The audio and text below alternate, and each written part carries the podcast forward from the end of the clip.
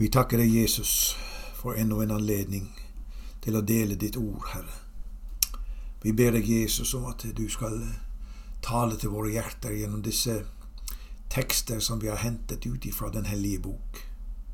Vi ber deg, Herre, nå for disse minutter, at du, Hellige Ånd, vil veilede oss, så ikke vi glipper på denne viktige stund, Herre, når vi skal dele ifra ditt rike forrådshus. Herre, tal til de sjeler som lytter. Vi ber om det i Jesu navn. Amen.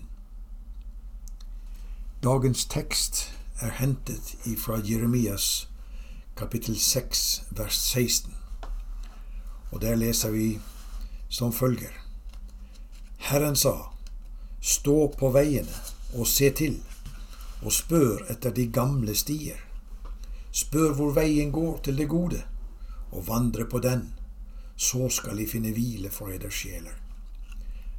Men de sa, vi vil ikke vandre på den. Hele Jeremias' tjeneste, alle de 52 kapitlene, omhandler en profet som igjen og igjen roper det samme budskap. Land, land, land, hør Herrens ord. Det finner vi i kapittel 22, vers 29. Hvorfor var dette nødvendig? Hvem ba Jeremias å gå? La oss høre hva som står skrevet i Jeremias 1, 4-7. Herrens ord kom til meg, og det lød så. Før jeg dannet deg i mors liv, kjente jeg deg, og før du kom ut av mors skjød, helliget jeg deg. Jeg satte deg til en profet for folkene. Men jeg sa, Å Herre, Herre, se, jeg forstår meg ikke på å tale for jeg er ung. Da sa Herren til meg, si ikke jeg er ung, du skal gå til alle dem jeg sender deg til, og alt det jeg befaler deg, skal du tale. Hvorfor gjorde Gud dette? Hvorfor hadde han lagt denne plan for Jeremias' liv? Hva var bakgrunnen? Gud hadde gjort ufattelige under og tegn blant Israels folke. Allikevel, på tross av dette, så begynte de å holde seg til den ene avguden etter den andre. Bal og Molok, for å nevne de to store. De gjennomførte ofringer av enda sine egne barn til Molok, noe som Gud tydelig hadde sagt at de ikke skulle gjøre. Det finner vi i Tredje Mosebok 1821. Folket var kommet bort fra Guds vei. Det var kortversjonen. To onde ting, sa Herren, har mitt folk gjort. Meg har de forlatt, kilden med det levende vann, og de har hogd seg ut brønner, sprukne brønner som ikke holder vann, slik vi finner det i Jeremias 2,13. Men Gud elsket sitt folk. Gud ville gjøre om på det som var gått i stykker. Han ville skape noe nytt. Og det leser vi om i Jeremias 18. Jeg gikk da ned til pottemakerens hus, og se, han gjorde sitt arbeid på dreieskiven. Og det karet som han gjorde av leire, når det ble mislykket i pottemakerens hånd, da gjorde han det om igjen til et annet kar, slik han ville ha det. Og Herrens ord kom til meg, og det lød så. Skulle jeg ikke kunne gjøre med dere, Israels hus, som denne pottemakeren, sier Herren. Som leiren er i pottemakerens hånd, slik er dere i min hånd, Israels hus. Derfor kaller Herren Jeremias til å gå med budskapet om at Gud i sin kjærlighet igjen vil ta seg av sitt folk. Men da det nå er et villfaret folk, og landet er fylt med avgudsdyrkelse og hedenskap, så må folket igjen gjennom trengsler lære på nytt Guds vei. Hebreerbrevet 12, 5 og 6 forteller oss dere har glemt den formaningen som taler til dere som barn. Min sønn, forakt ikke Herrens tukt, og mist ikke motet når du blir refset av ham. For den Herren elsker, den tukter han og han hudstryker hver sønn han tar seg av.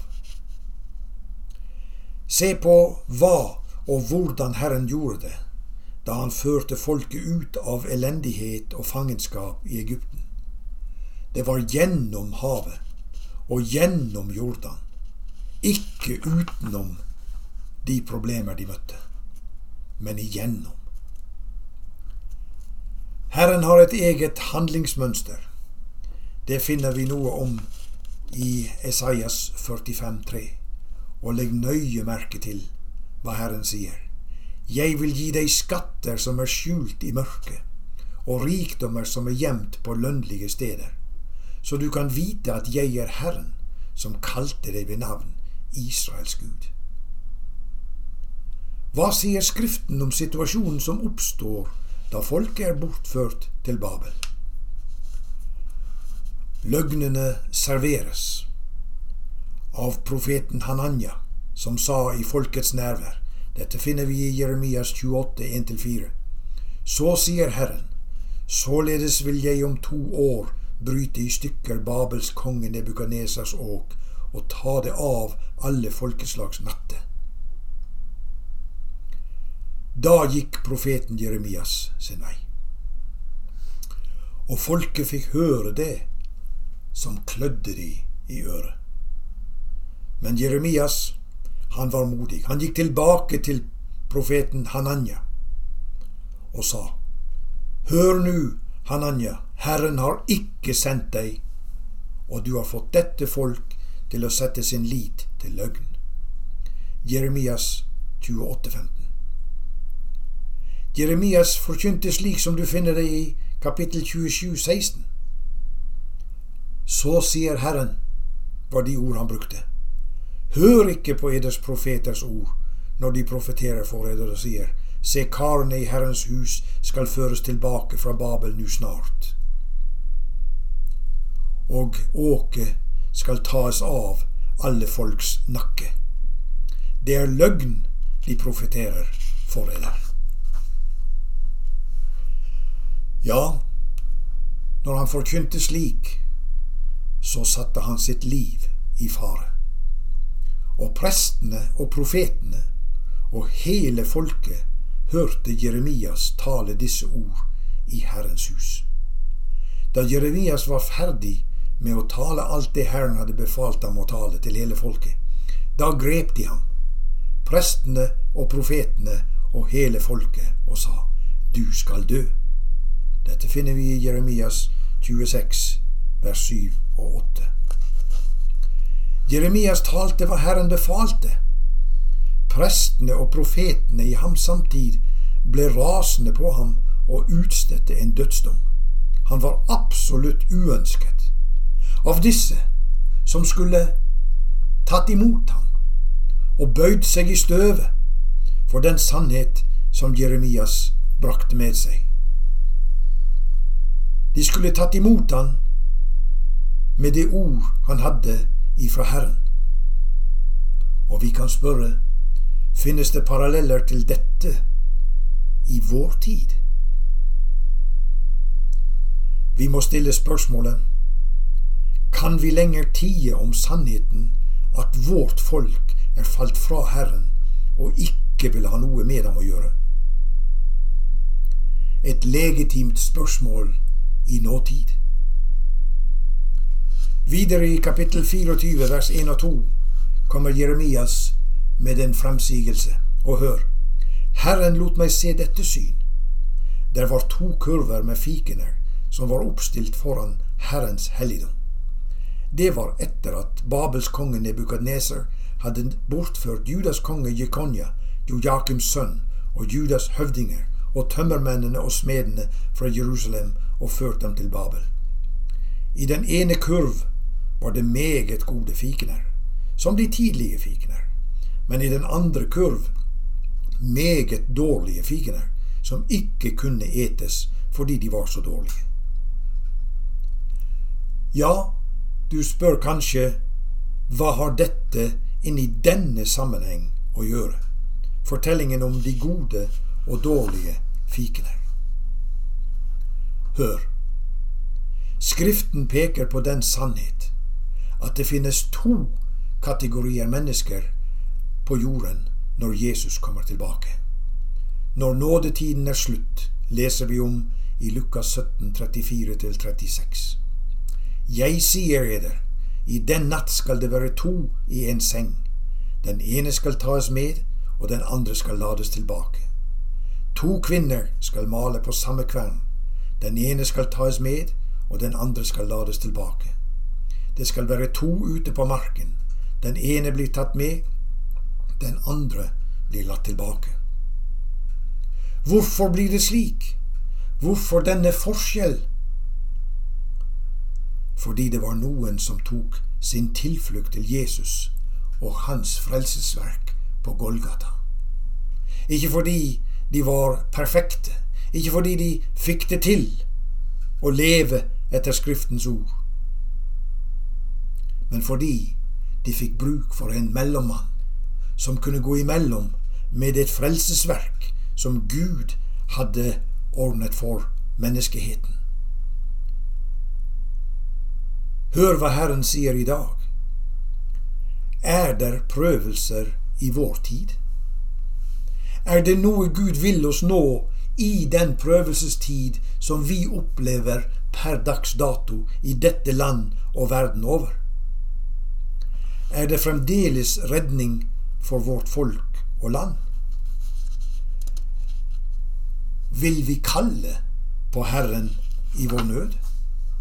Eller skal vi bli for, som dem som er beskrevet i Nehemias 9, 29-30? Du bevitnet for dem og ville omvende dem til din lov, men de var overmodige og hørte ikke på dine bud. De syndet mot dine lover, de som mennesket lever ved når han gjør etter dem. I sin gjenstridighet satte de skulderen imot. De var hårnakkede og ville ikke høre. I mange år bar du over med dem, og vitnet for dem ved din ånd, gjennom dine profeter, men de vendte ikke øret til, og du gav dem i fremmede folks hånd. Det er ingen ukjent sannhet at Norge er i en særstilling mellom nasjonene. Fordi det var noen som gikk foran oss og skrev både tekster og sanger som lyder For Gud ikke verja by og land, kan vaktmann oss ikke trygge. Bare ta Gud ut av skoler og samfunn, så ser vi hva som skjer. Har vi øynene åpne, og ser vi de fakta som utspiller seg i vårt land i dag?